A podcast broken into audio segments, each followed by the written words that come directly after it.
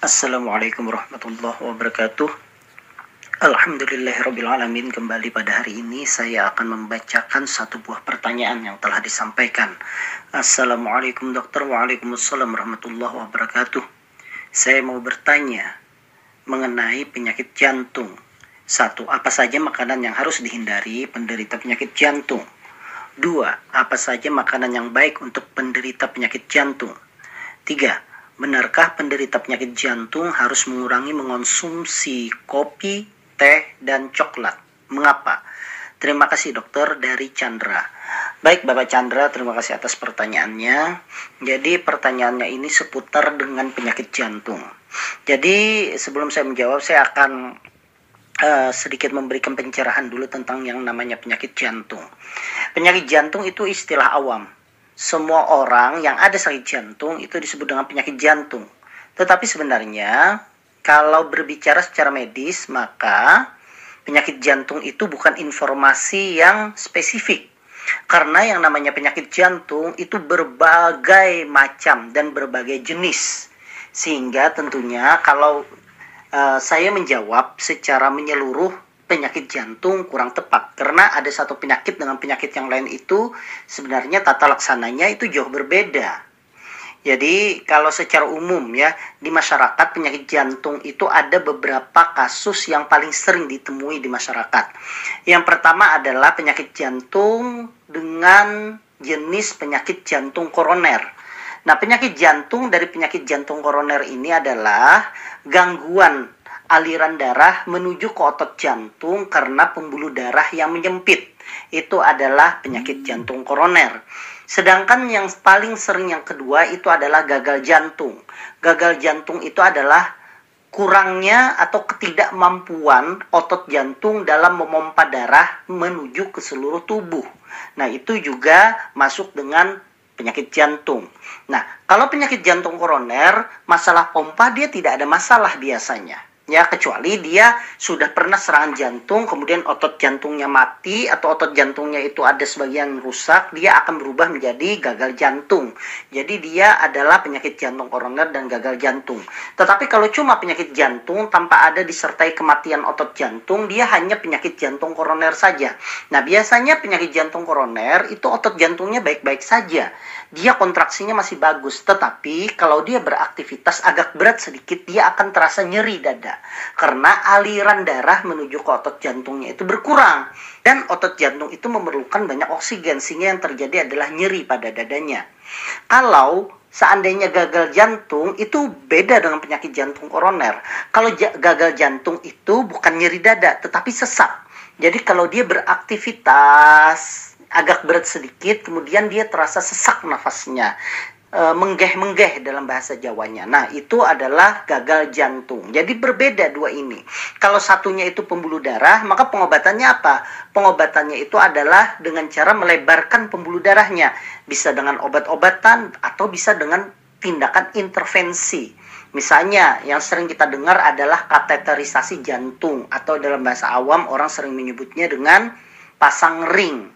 Nah, kalau gagal jantung, terapinya apa? Gagal jantung terapinya itu adalah membatasi aktivitas, jangan terlalu capek. Kemudian supaya cairannya tidak berlebihan, maka harus membatasi minum. Nah, kalau penyakit jantung koroner belum tentu minum dibatasi. Tapi kalau gagal jantung, minum harus dibatasi karena kemampuan kontraksi jantungnya, otot jantungnya dalam memompa darah itu berkurang. Kalau kebanyakan minum, maka yang terjadi adalah orang akan kelebihan cairan. Nah, seperti itu ya. Nah, kemudian eh, makanan apa saja yang dihindari penderita penyakit jantung. Nah, itu tentunya harus dibedakan. Kalau tadi penyakit jantung koroner, penyebab paling utama penyakit jantung koroner itu apa? Karena adanya timbunan plak di pembuluh darah. Timbunan plak di pembuluh darah itu penyebabnya itu paling sering karena adanya kolesterol jahat. Jadi, makanan yang harus dihindari apa? Makanan yang dihindari adalah makanan yang tinggi lemak tentunya. Kalau bisa makanannya itu tinggi serat.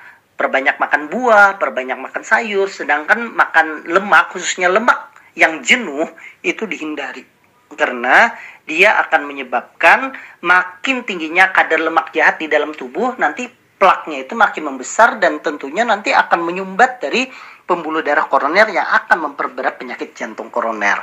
Kalau gagal jantung seperti apa? Ya kalau gagal jantung tentunya makanan yang dihindari secara spesifik tidak ada, tetapi minum yang berlebihan itu sebaiknya dihindari. Jadi minum itu ditakar.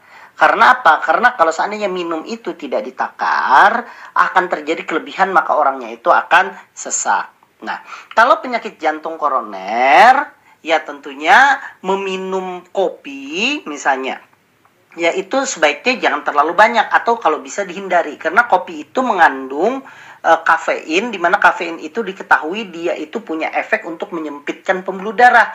Nah, pembuluh darah pada penyakit jantung koroner itu udah sempit, ditambah sempit lagi nanti dia tambah nyeri dadanya tersebut. Ditambah lagi kalau minum kopi jantung akan berdenyut lebih cepat. Kalau jantung berdenyut lebih cepat tentunya kebutuhan oksigen akan meningkat. Dan kalau kebutuhan oksigen meningkat harusnya aliran darah juga diperbanyak ke otot jantung. Tetapi kalau penyakit jantung koroner karena dia terganggu yang terjadi adalah pasokan oksigennya tetap saja pada kebutuhannya meningkat yang terjadi nanti orang tersebut akan e, nyeri pada dadanya. Jadi itu ya. Kalau seandainya boleh kan mengonsumsi teh, misalnya ya silahkan dalam jumlah yang tentunya jumlah yang tidak berlebihan. Apalagi kalau penyakit e, gagal jantung. Kalau semakin banyak minum ya semakin banyak cairan sehingga tentunya dibatasi minumnya tersebut.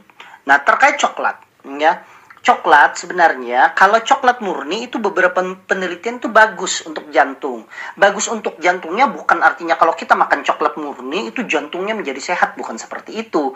Tetapi pada beberapa penelitian coklat itu membantu untuk mengurangi kadar lemak jahat. Kalau coklatnya itu murni.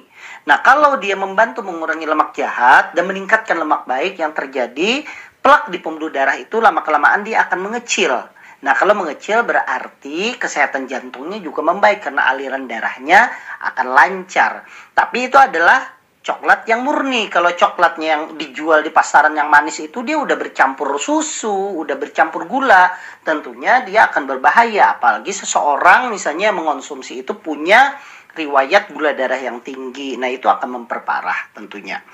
Nah, kemudian uh, makanan apa saja yang baik untuk penderita penyakit jantung, sebenarnya menurut saya tidak ada makanan yang lebih superior terhadap penyakit jantung, tetapi yang penting diperhatikan ya. Misalnya pada penyakit gagal jantung, orang tersebut sesak, dia punya grade dari grade 1, grade 2, grade 3 sampai grade 4. Kalau grade 4 itu istirahat saja dia udah sesak, mengunyah saja dia udah sesak. Nah, pada grade 4 gagal jantungnya tersebut tentu makanan yang sebaiknya disarankan adalah makanan yang lunak. Kenapa makanannya harus lunak? Supaya dia kalau makan tidak terlalu banyak me mengunyah. Kalau tidak banyak mengunyah tentunya ya sesaknya itu bisa dikurangi. Nah, kalau misalnya eh, pada penderita penyakit jantung koroner, ya makanan yang disarankan adalah makanan yang kadar lemaknya itu rendah bahkan disarankan yang tinggi serat seperti buah-buahan dan sayur-sayuran dengan harapan lemak jahatnya itu turun kemudian lemak baiknya itu meningkat dan pelaknya itu juga turut menjadi berkurang. Nah, mungkin itu saja yang bisa saya jelaskan. Sedangkan penyakit jantung yang lain itu banyak. Ada namanya penyakit jantung bawaan, ya, yang diakibatkan karena adanya kelainan kongenital. Ada juga penyakit jantung karena gangguan dari katup jantung. Ada juga penyakit jantung karena darah tinggi menyebabkan otot jantungnya itu menebal, tetapi dia tidak masuk ke gagal jantung. Jadi banyak sekali. Jadi kalau kita berbicara hanya penyakit jantung saja, memang agak sulit menjawabnya kecuali kita jabarkan secara spesifik. Demikian mungkin itu saja yang bisa saya jelaskan. Semoga ini bermanfaat untuk kita semua. Saya tutup. Wassalamualaikum warahmatullahi wabarakatuh.